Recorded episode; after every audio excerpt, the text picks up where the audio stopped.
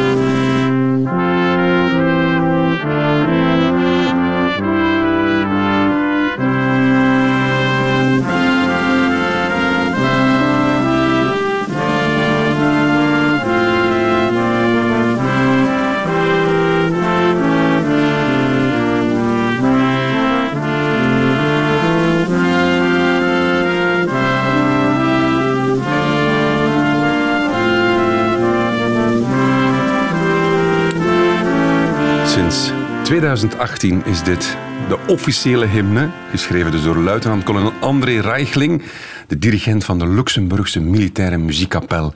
Mijn gast in de studio, professor Alexander Mattelare en ik, we keken naar elkaar en bedachten het, exact hetzelfde. Best een triestig muziekje weinig triomfantelijk zo. Hè? Inderdaad, inderdaad. Het, uh, het is zeker geen krijgsmacht. Nee. Maar dat is denk ik um, ook een goede herinnering aan het idee dat de NAVO uh, ten gronde een, een defensieve alliantie is. Hè? En in een uh, vroeger tijdperk had um, naast, een, naast muziek had de NAVO als organisatie ook een mascotte. En dat was de egel. Och. Jawel. En die egel die stond eigenlijk symbool voor ja, een organisatie die, die stekels op de rug heeft, ja. die dat je dus beter niet kan proberen op te peuzelen, want het zal je dan brouwen. Maar die niet gekend zat om zijn vijandig of agressief karakter. Ja, precies, precies. Inderdaad. Dus de, de egel als een, als een vreedzaam beestje. Hè. Ik heb er trouwens een die, uh, die in mijn tuin woont. Die, die, eet, die, eet wel het eten van de kat op. Maar, uh, maar daarnaast hè, is dat een, uh, een prima um, vreedzaam, vreedzaam beestje dat ook de, de tuin helpt onderhouden. Uh, maar inderdaad, de belangrijkste boodschap is: een egel val je beter niet aan, want dan doe je jezelf erg veel pijn. Ja, maar een egel zit ook altijd vol met teken en vieze beesten. Nee? Een, een egel heet, eet heel veel ongedierte in de tuin precies op. Ah, in, in, die zin is hij um, ja, een belangrijk uh, element van het ecosysteem. Oké, klopt wel, klopt wel. We gaan even terug in de tijd, want het gaat dus in weet ik veel over de NAVO. De Britse maarschalk Montgomery sluit direct na de Tweede Wereldoorlog in Duinkerke een militaire overeenkomst met de Fransen. Ze willen samen het groeiend communistisch gevaar in Europa bedwingen. In Brussel op 17 maart 1948 wordt het Frans-Britse pact uitgebreid tot de Westerse Unie. Maar de schrik voor de Russen blijft en ze krijgen geen gemeenschappelijk Europees leger op de been. Ze laten het initiatief en het commando voor de defensie van Europa over aan de Amerikanen. Met de Canadezen erbij zullen ze de NAVO oprichten. Voilà, dat is een zeer korte geschiedenis, beste Alexander. Het begint dus allemaal na die Tweede Wereldoorlog. Dat is, ja, in Europa is dat een onwaarschijnlijk gebeuren. De Amerikanen komen ons bevrijden en we willen van dat momentum gebruik maken? Of hoe, hoe moet ik dat precies zien? Wel, eigenlijk uh, vlak nadat uh, de Tweede Wereldoorlog uh, was, was geëindigd in, in, in West-Europa. Ik zeg West-Europa omdat mm-hmm. het conflict in Oost-Europa ook veel langer is, is blijven duren. Um, maar wij zijn dus bevrijd in 19, 1945. Um, er stelde zich dan een grote vraag: ja, hoe wordt het continent wederop, wederop gebouwd? Um, en de West-Europeanen hadden op dat ogenblik um, ook een grote verlatingsangst. Want natuurlijk, de Verenigde Staten uh, waren ook ter hulp gesneld in 1917 bij de Eerste Wereldoorlog. Juist. En waren kort na het, uh, um, het beëindigen van de vijandelijkheden weer naar huis gegaan. En dus uh, de verschillende West-Europese landen stelden zich de vraag: ja, wat gaan we doen? Hoe, moet, uh, hoe moeten we onze veiligheid verzekeren als de Amerikanen weer uh, hun, ja. hun, troepen zouden terugtrekken. En dan zagen we dus een proces zich op gang trekken, waarbij eerst Frankrijk en het Verenigd Koninkrijk zich aan elkaar hebben vastgeklonken. Dat was in 1947. In 1948 hebben de, de drie Benelux-landen zich daarbij aangesloten, middels een, een, een intussen wat vergeten verdrag, het Verdrag van Brussel. Maar in datzelfde jaar hebben de Verenigde Staten dan ook um, voorgesteld om het Marshallplan te lanceren. En dus eigenlijk de economische reconstructie in Europa te organiseren.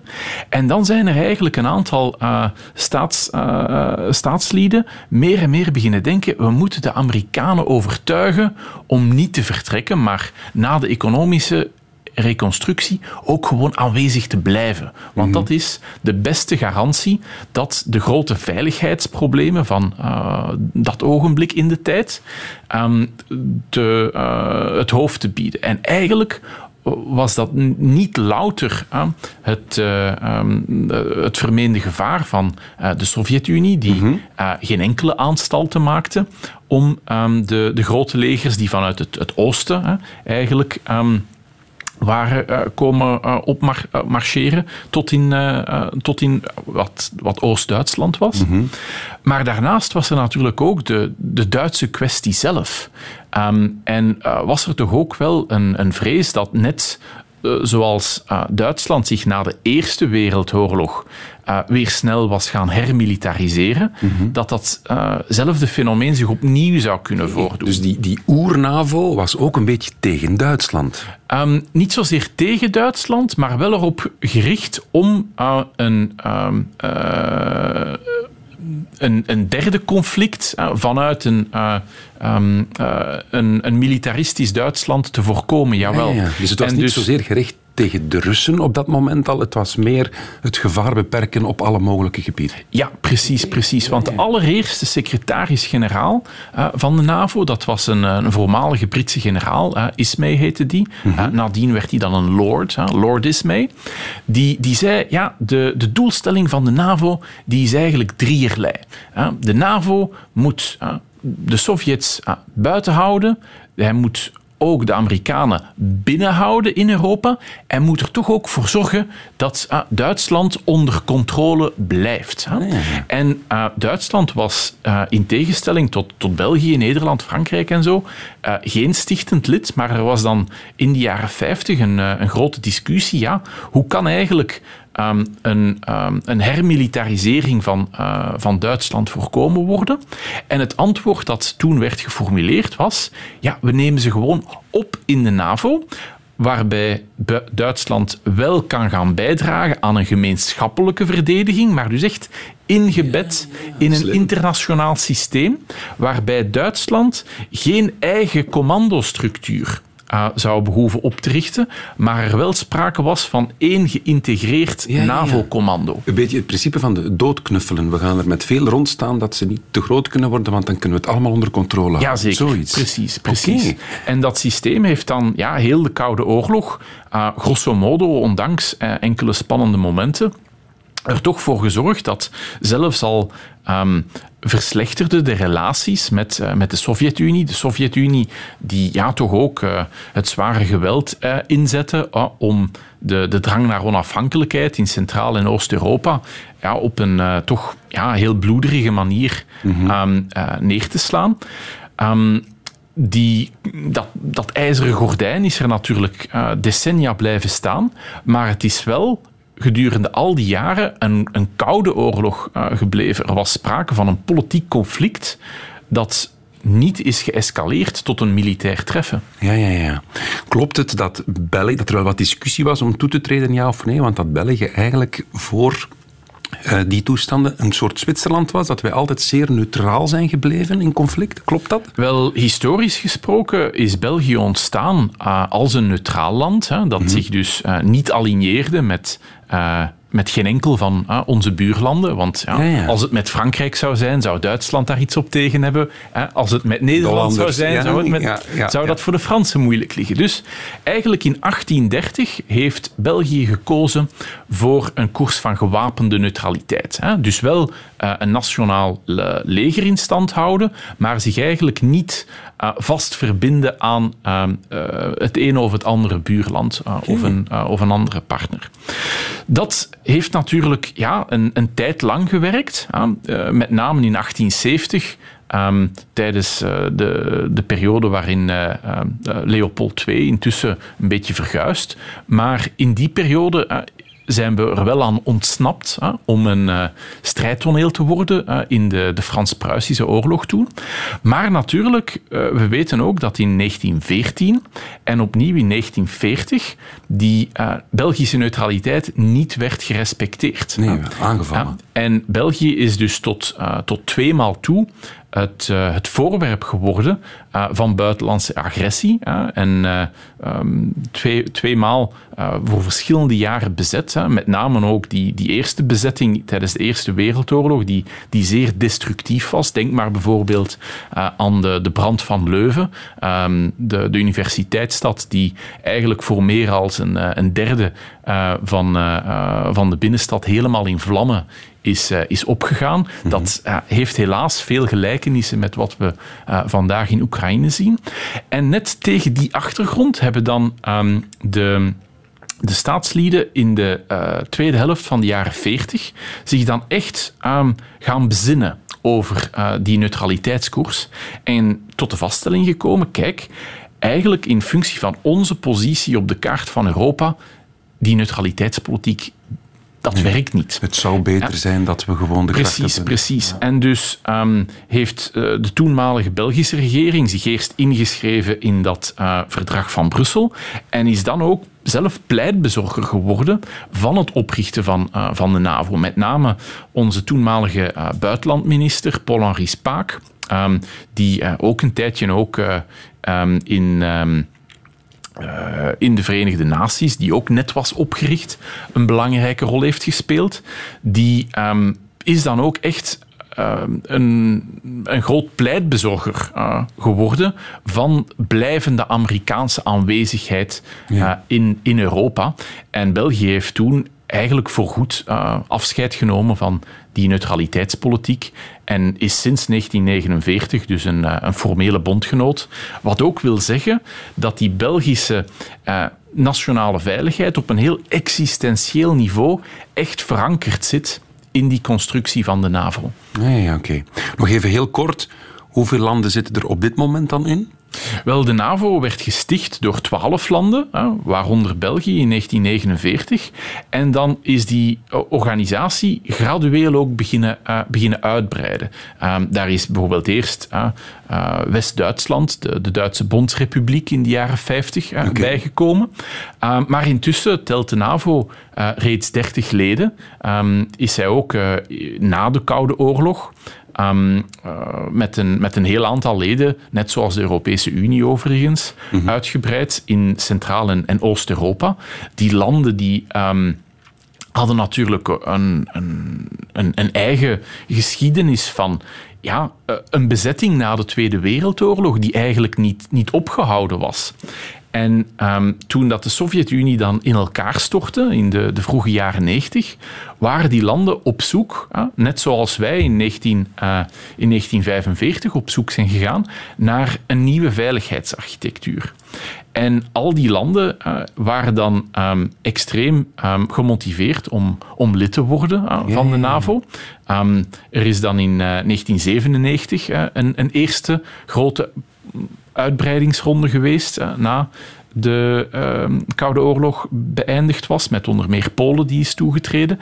In 2004 zijn er dan nog eens een aantal uh, landen toegetreden, waaronder de, de Baltische staten, die nu wellicht de meest kwetsbare mm -hmm. leden zijn, omdat het ook buurlanden van, van Rusland zijn. Die liggen ja, eigenlijk ja, ja, ja. vlak naast Sint-Petersburg bijna. Maar al die landen die, die zochten ook naar een manier om um, om hun nationale veiligheid echt te verankeren uh, en dus um, niet opnieuw mee te maken uh, dat uh, een van hun buurlanden, in casu Rusland of in een nog vergezochter scenario opnieuw Duitsland, weer sterker zou worden en hen zou kunnen onderwerpen. Precies het scenario dat we vandaag met, met Oekraïne zich okay. voor onze ogen zien afspelen. De NATO-song is een nummer van Bing Crosby. En dit is de ruwe versie. Je hoort hem overleggen met zijn technicus in de studio. Bijzonder interessant. Ten years have passed since people lived in fear and dread. When hope and independence died and dark aggression spread. Then NATO went on guard and freemen ceased to yield. We live again in peace and strength behind the NATO shield.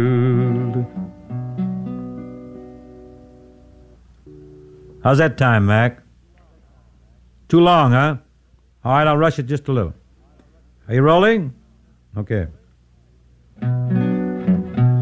We live again in peace and strength behind the NATO shield.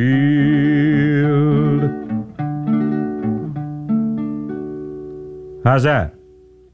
Just do one of those things, Vince. All right. Here we go.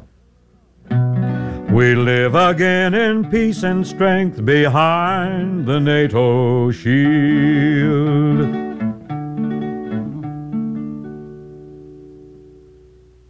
Now we got the long version. How do we do that? We'll give it uh, a rundown on the long version once. Well then, here we go. Are you rolling? Hot? Go.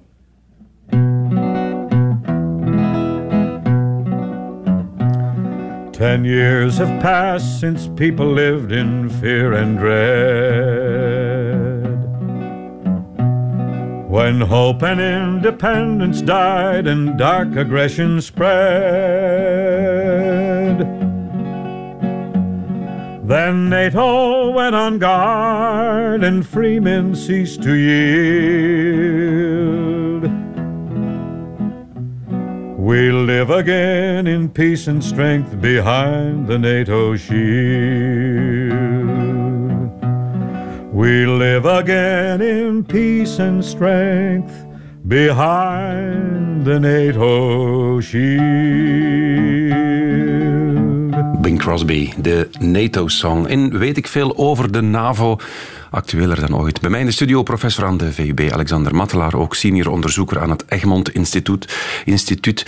Alexander, we hebben al geleerd hoe de NAVO tot stand is gekomen. Nog heel even over die leden, want wat mij opvalt, Finland, Ierland, Oostenrijk, Zweden, Cyprus en Malta, toch landen die stevig verankerd zijn in Europa, die, die zijn dan geen lid.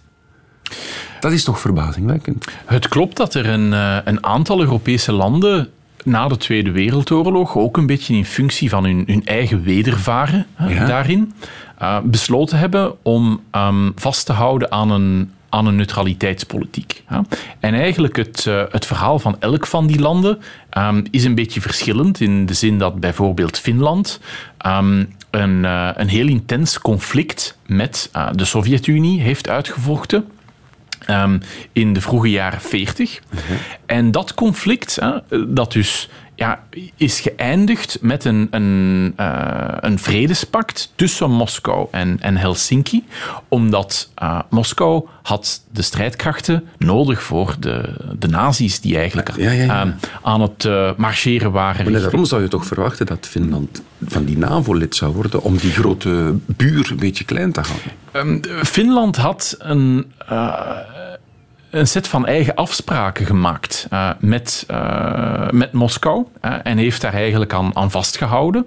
Ehm, het feit dat Finland eh, die overeenkomst had met Moskou, zorgde er ook voor dat Zweden, dat eigenlijk intussen meer dan 200 jaar niet meer betrokken is geweest in een Europees conflict, eigenlijk ook relatief veilig bleef.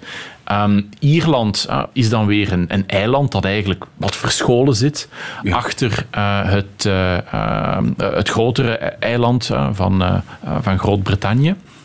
Dus er zijn inderdaad een aantal uitzonderingen, maar daarvoor zijn er eigenlijk telkens wel een specifieke set van nationale omstandigheden aan te halen waarom dat zij daarvoor gekozen hebben. En maar die, deal is- met, sorry, die deal met Finland, van de afspraak is Finland wordt geen lid van de NAVO. Dat is wat ze nu ook in Oekraïne proberen doen, de Russen. Van, ja, je moet nu beloven dat jullie nooit lid worden van die NAVO. Dat is eigenlijk gelijkaardig dat wat ze met, met Finland hebben afgesproken. Mm, Ja en nee. In die zin, wat er met Finland is afgesproken, was ah, dat Finland ehm, neutraal bleef, maar wel een, ehm, een heel brede interpretatie kon geven aan gewapende neutraliteit. Want Finland, we zijn ons daar niet goed van bewust, maar Finland heeft een enorme defensie. Ehm, Finland heeft nog steeds een systeem van dienstplicht en kan dus eigenlijk een defensie mobiliseren op heel korte tijd die honderdduizenden soldaten ehm, Echt eh, waar? omvat. Die brave Finnen daarboven. Jazeker, jazeker. En dus ehm, eigenlijk, eh, Finland heeft zich in een gewapend conflict tegen, eh, tegen ehm, de, de Sovjet-Unie in der tijd eigenlijk laten kennen als een, een land dat niet met zich laat, laat sollen en dus ook een eigen eh, heel sterke verdediging in stand mag houden. Eh, en eh, in die zin is dat ook een, een zeer aparte vorm van neutraliteit. Nu, wat wel opvalt is, dat is ook een, eh, eh, een, een, een dure vorm van ehm, zijn, de, ja. de eigen nationale veiligheid te verzekeren. Want je staat er dan natuurlijk ook altijd helemaal alleen voor. Ja, want dan komen we tot dat artikel 5. Dat hebben de mensen, of de, de leden van de NAVO afgesproken. Wat is dat precies, dat artikel 5? Wel, artikel 5 stelt dat eh, een aanval tegen één bondgenoot automatisch geïnterpreteerd zal worden als een aanval op het bondgenootschap in haar geheel. Ja. Wat dus alle leden, intussen, eh, meer als, eh, intussen 30 landen, verplicht tot eh, wederzijdse bijstand. Dus als jij één kogel afvuurt op een land dat lid is van de NAVO, dan krijg je het arsenaal, inclusief de Verenigde Staten, aan militaire kracht tegen jou. precies, Een precies. soort afschrikkingsmiddel Ja, is dat. en hè? dat vormt dan natuurlijk een, een enorm militair blok, precies omdat dat de optelsom is van, eh, van, meer, eh, van 30 eh, sets van, van nationale strijdkrachten. Ja? En dat geeft dus ook een, een, een, een zeer hoge mate van vertrouwen dat zo'n aanval er nooit zal komen. Precies omdat het is een soort van conflict dat dan zou starten, dat, niet kan dat niet te winnen valt. Zelfs niet voor Rusland. Zelfs, zelfs niet voor Rusland, absoluut niet. Dus wij kunnen die, als we zouden willen, als die NAVO zou willen, zouden wij Rusland verpletteren. Wellicht wel. Maar dan moet ik toch wel een kleine kanttekening maken. Want Rusland is ook een kernwapenstaat. En eh, Rusland is niet zomaar een kernwapenstaat, is ook een, eh, de kernwapenstaat met het allergrootste arsenaal in de wereld. Ehm, de NAVO is zelf ook een nucleaire alliantie, want onder die 30 leden bevinden er zich ook drie kernwapenstaten. En dat zijn de Verenigde Staten, Frankrijk en het Verenigd Koninkrijk. Oké. En eenmaal als je begint na te denken over kernwapens, ja, als je met, eh, eh, met kernwapens begint te schieten, ja, dan, eh, dan eindigt het gewoon voor alle partijen in totale destructie. Dus in die zin kan je een kernwapenoorlog ook niet, niet winnen in de klassieke betekenis van het woord. Maar zorgen die kernwapens er precies voor dat ja, de, de staten die eh, over een dergelijk arsenaal beschikken, eigenlijk heel voorzichtig met elkaar om moeten gaan en vooral ervoor moeten zorgen dat er geen oorlog tussen hen uitbreekt. En de grote paradox is dat is wat de NAVO en Rusland betreft nu eigenlijk meer dan 70 jaar het geval. Er is nooit een rechtstreeks militair treffen tussen eh, de Sovjet-Unie of, eh, of nu Rusland en de NAVO geweest. Specifiek omdat ehm, die, die machtsbalans dat eigenlijk, eh, dat eigenlijk verhinderd heeft. ja. Ehm, De maar blokken zijn zo sterk dat ze het gewoon niet durven opnemen tegen elkaar. ja, precies, precies. En dat heeft als gevolg dat er nu veel meer wordt ingezet op andere eh, middelen van aan buitenlands beleid te doen. Hè. De, het gevecht om de narratieven, hè, om de Ja. informatiecompetitie De te winnen. sancties, de soort- economische ja. sancties, et cetera, zijn daar allemaal voorbeelden van. Klopt het dat artikel 5 dat dat nog maar één keer eigenlijk is gebruikt? Het klopt dat artikel 5 eenmaal formeel is ingeroepen en dat was na de terroristische aanslagen eh, op, eh, op New York en op het Pentagon in 2001. Hè. De- 9/11. Ja, precies. Dus de, de aanslagen van, eh, van 11 september. En dat is eigenlijk een soort van oneigenlijk eh, ehm, voorval. In die zin, artikel 5 was nooit bedoeld als een ehm, antwoord op, eh, op terroristische aanslagen, maar het is toen wel ah, daarvoor ingeroepen. Ja, want je kan moeilijk zeggen dat een land een ander land heeft aangevallen. Nee, het was een- Inderdaad, een, inderdaad. Al-Qaeda, een organisatie die een land aanvalt. Ja, precies, En dan toch precies. ga je zeggen dat artikel 5, want Amerika wordt aangevallen, dus we gaan ons dan, ook al is het geen land dat hen aanvalt, maar individuen, Wel, dat was denk toch... ik een, een symbolische beslissing om solidariteit te betonen met Ja, ja, de. Verenigde Staten, die toch... Ja, het was een... eh, eh, een, Een aanval? Een, een, Ja, een tuurlijk. aanval. Uh, en die, die NAVO-bondgenoten hebben ook wel uh, probeerde de Amerikaanse reactie daarop, hè, en dan met name het conflict in, in Afghanistan, te helpen ondersteunen. Um, dus in, in die zin was dat een, een artikel 5-verhaal. Maar ik denk de meer belangrijke boodschap is natuurlijk als het erop aankomt om, um, om oorlog tussen staten te voorkomen, de belangrijkste functie van artikel 5 is precies die preventieve functie. Ja. Het is helemaal niet de bedoeling dat er uh, uh, oorlog uit zou voortvloeien. Het is met name de bedoeling om oorlog te voorkomen, namelijk door te ontraden dat een conflict uh, enige positieve uitkomst zou hebben voor, uh, voor een agressor. Mm -hmm. Reactie van Sting op de oorlog in Oekraïne. Radio 1. Weet ik veel? I've only rarely sung this song in the many years since it was written because I never thought it would be relevant again. But in the light of one man's bloody and woefully misguided decision to invade a peaceful, unthreatening neighbor, the song is once again a plea for our common humanity. For the brave Ukrainians fighting against this brutal tyranny, and also the many Russians who are protesting this outrage despite the threat of arrest and imprisonment. We, all of us, love our children. Stop the war. In Europe and America, there's a growing feeling of hysteria conditioned to respond to all the threats and the rhetorical speeches of the Soviet.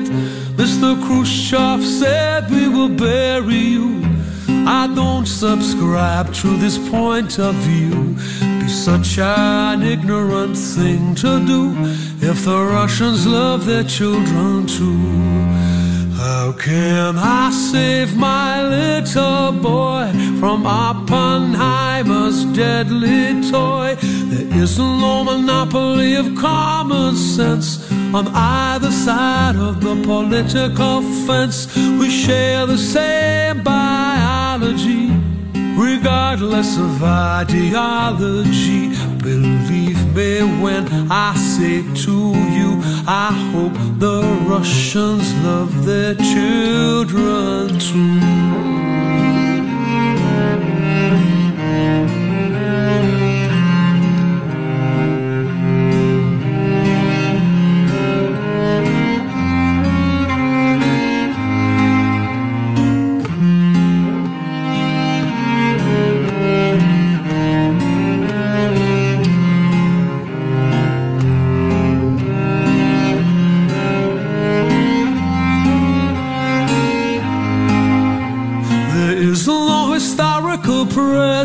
Precedent to put the words in the mouth of the president. There's no such thing as a winnable war. It's a lie we don't believe anymore. We share the same biology, regardless of ideology. And what might save us, me and you, is that the Russians love their children too.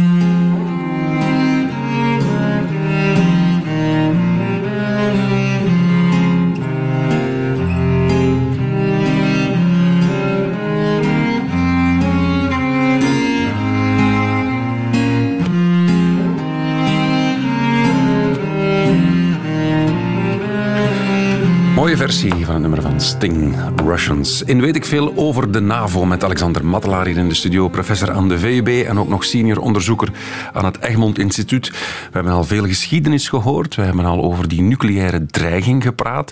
Maar laten we nu eens praten over die rol van Brussel binnen de NAVO. Want laatste keer dat ik er passeerde, want dat is richting de ring. Als je vanuit de VRT naar de ring rijdt, dan passeer je aan de gebouwen van de NAVO. Het hoofdkwartier zit dus hier in Brussel.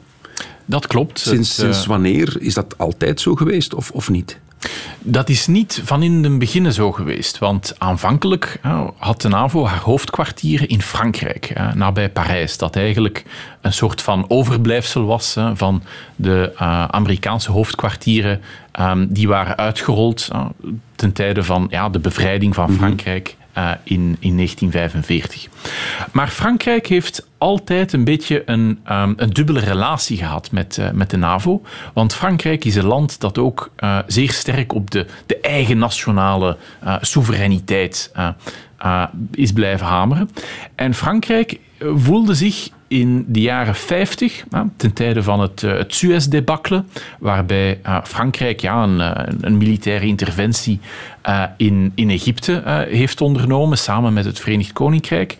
Frankrijk is toen eigenlijk tot de orde geroepen door de Amerikanen, want de Amerikanen die zeiden dat is veel te gevaarlijk. Mm en we mogen ehm, dat risico niet nemen. Dus ehm, dat, ehm, die operatie in, in Egypte die moet nu afgelopen zijn. En Frankrijk is daar altijd een beetje wrokkig om gebleven en heeft dan ook in het presidentschap van, uh, uh, van Charles de Gaulle de beslissing genomen om de, de eengemaakte commandostructuur te verlaten. Oké, ah, die zijn eruit gestapt. Ja, waardoor Frankrijk uh, met één been in de NAVO en met één been buiten de NAVO stond. Maar natuurlijk, dat had als gevolg dat uh, de hoofdkwartieren moeilijk in, in Frankrijk, dat niet echt een, uh, een gastvrij gastland uh, mm -hmm. meer, meer was, kon blijven. En de Belgische regering heeft dan, dat was midden de jaren 60, zich kandidaat gesteld voor een, een alternatieve locatie te voorzien. En ten gevolge van die gebeurtenissen is inderdaad het, het politieke hoofdkwartier in, in Brussel opgebouwd. Dat was eerst een, een, een leegstaand gebouw van de, de Belgische Defensie. Dat is nu een, een, een heel recent ja, ja, ja. nieuw gebouw geworden, vlakbij de, de luchthaven. Fragmentje over die, de, het eerste gebouw.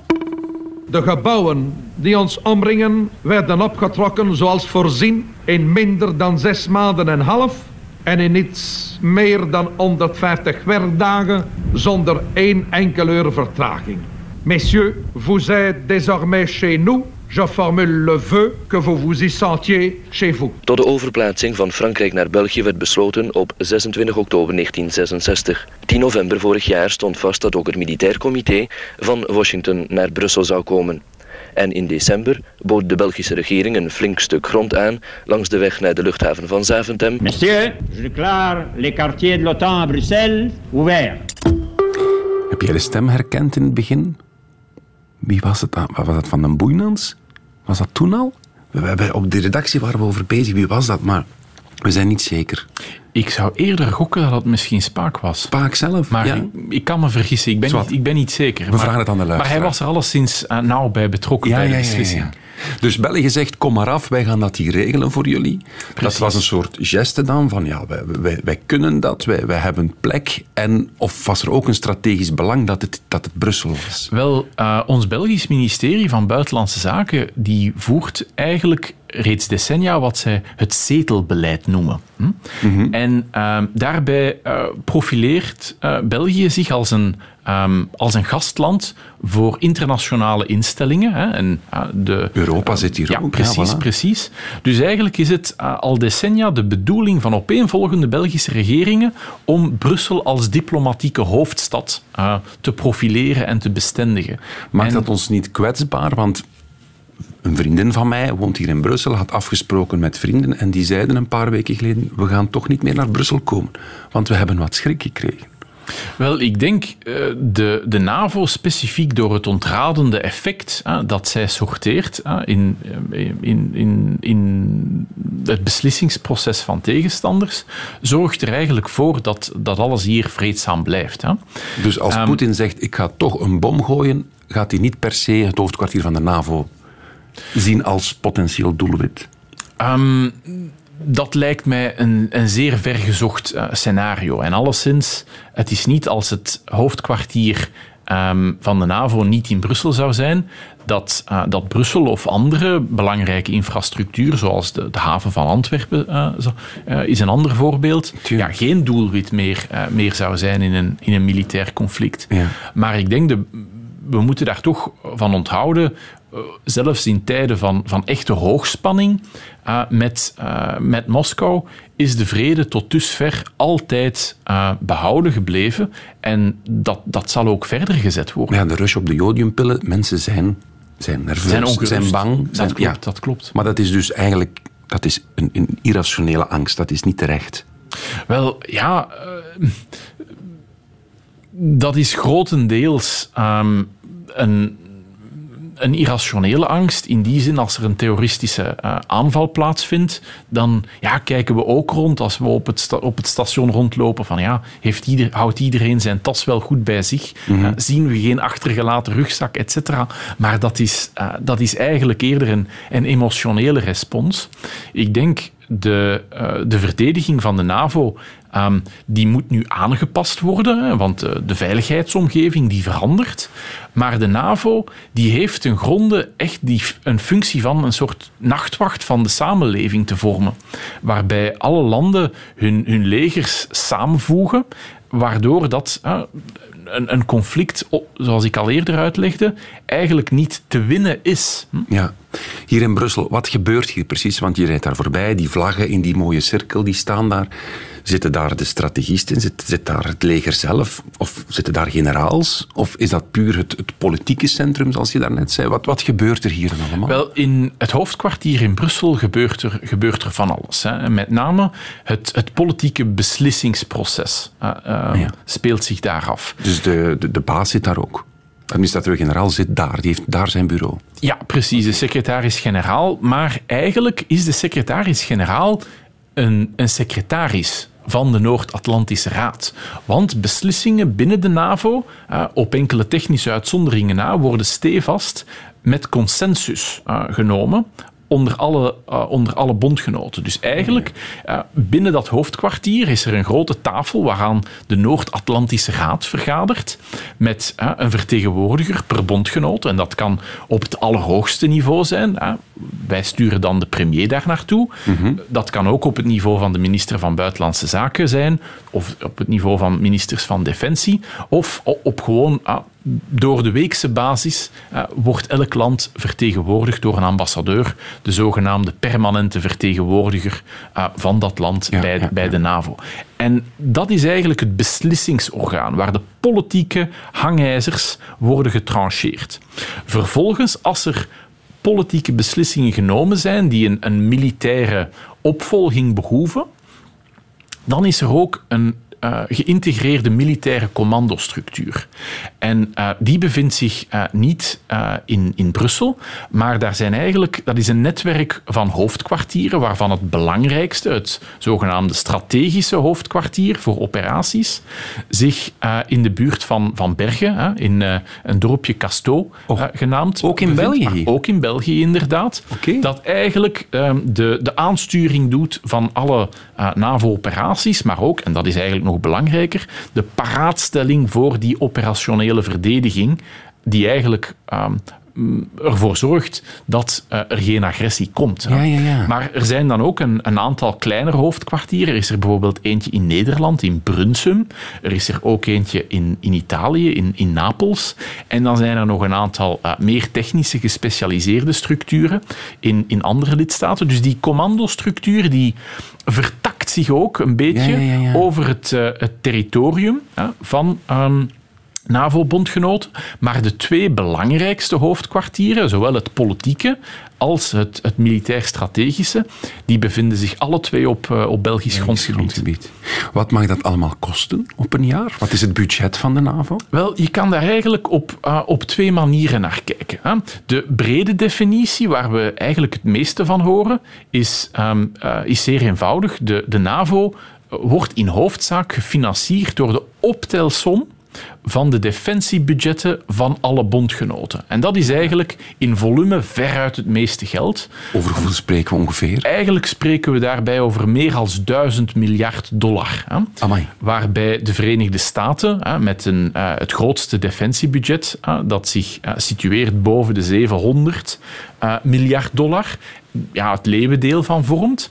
En alle andere 29 uh, NAVO-bondgenoten samen dan ook nog eens voor uh, uh, een slordige 300 ja, want het is een miljard, afspraak dat, miljard dollar. Er is een afspraak, toch dacht ik, elk lid moet 2 of 3 2 procent, 2 procent van het BBP de afspraak in, investeren in, in, in het leger. Ja, precies. Want natuurlijk, um, wij hebben al over artikel 5 gesproken, maar er is ook artikel 3 van het, uh, het verdrag die uh, de NAVO heeft gesticht. En daarin is er afgesproken, die collectieve verdediging, dat is een samenspel van zelfredzaamheid en uh, solidariteit in de ondersteuning. Dus elke lidstaat, elke bondgenoot uh, moet ook ja, eigen uh, strijdkrachten um, uh, paraat houden, maar die maken deel uit van een geïntegreerd geheel. En um, dat heeft natuurlijk als gevolg dat in de totaliteit dalen de kosten, Maar er blijft natuurlijk nog altijd een inspanning nodig. En hoe dat mhm. die precies verdeeld moet worden, is doorheen de geschiedenis van de NAVO een gevoelig onderwerp. Uh, ja, over laatst nog een paar jaar geleden Trump, die zegt: Ik ben hier weg, want jullie komen jullie afspraken niet na. Ja, precies. De, de Verenigde Staten, maar dat, dat gaat al, al verder terug in de tijd als, uh, als Donald Trump. Um, zijn uh, de militair belangrijkste bondgenoot. Dus iedereen rekent vooral op uh, dat de Amerikaanse strijdkrachten, ja, als het echt heel spannend wordt, dus als die uh, komen, van... komen opdagen. Maar dus in Washington kijkt men daartegen, ja, dat is allemaal goed en wel, maar de bondgenoten moeten toch ook hun eigen duit in het zakje doen, mm zodanig dat het een, een evenwichtig geheel vormt. En voor eh, de Verenigde Staten is eigenlijk het streefdoel dat het een soort van 50-50 verdeling is. Terwijl dat zij de helft doen en de bondgenoten de andere helft. Maar die moeten het dan natuurlijk ook doen, hè? die mhm, andere helft waarmaken. Professor, de tijd is genadeloos, jammer genoeg. We hebben nog twee minuten. Maar ik wil heel graag toch even met dit allemaal in ons achterhoofd naar die toekomst kijken. Wat gaat er gebeuren op korte termijn? Gaat de NAVO zich toch mengen in dat conflict, denk je? Mijn verwachting is dat de NAVO um, echt zal vermijden om betrokken partij te worden in het militaire conflict in Oekraïne. Waar de NAVO wel mee bezig is, is um, de eigen afschrikkingspostuur um, veel sterker te maken, waardoor de relatieve veiligheid voor uh, NAVO-bondgenoten omhoog gaat. En daardoor hebben die individuele bondgenoten dan eigenlijk ook ja, de vrijheid om, in functie van hoe comfortabel zij zich daarbij voelen, om naar eigen goeddunken steun te verlenen aan Oekraïne. Wat natuurlijk niet zonder gevaar is. Ja. Maar um, de, de NAVO wil als organisatie ja, toch, toch vermijden om, om hier militair betrokken partij bij te worden.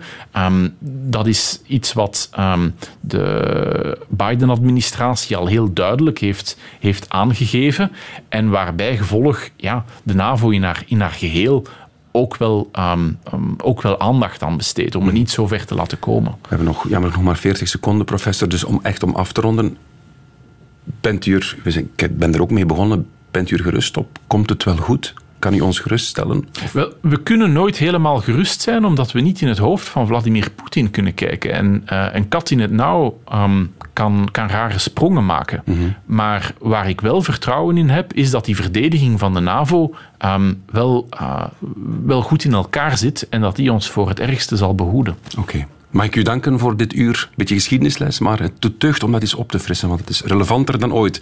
Alexander Matelaar, professor aan de VUB en ook senior onderzoeker aan het Egmond Instituut. Radio 1. Weet ik veel. Dit is het einde van deze podcast van Weet ik veel. Weet ik veel is trouwens een programma van Radio 1. Op radio1.be vindt u nog veel meer.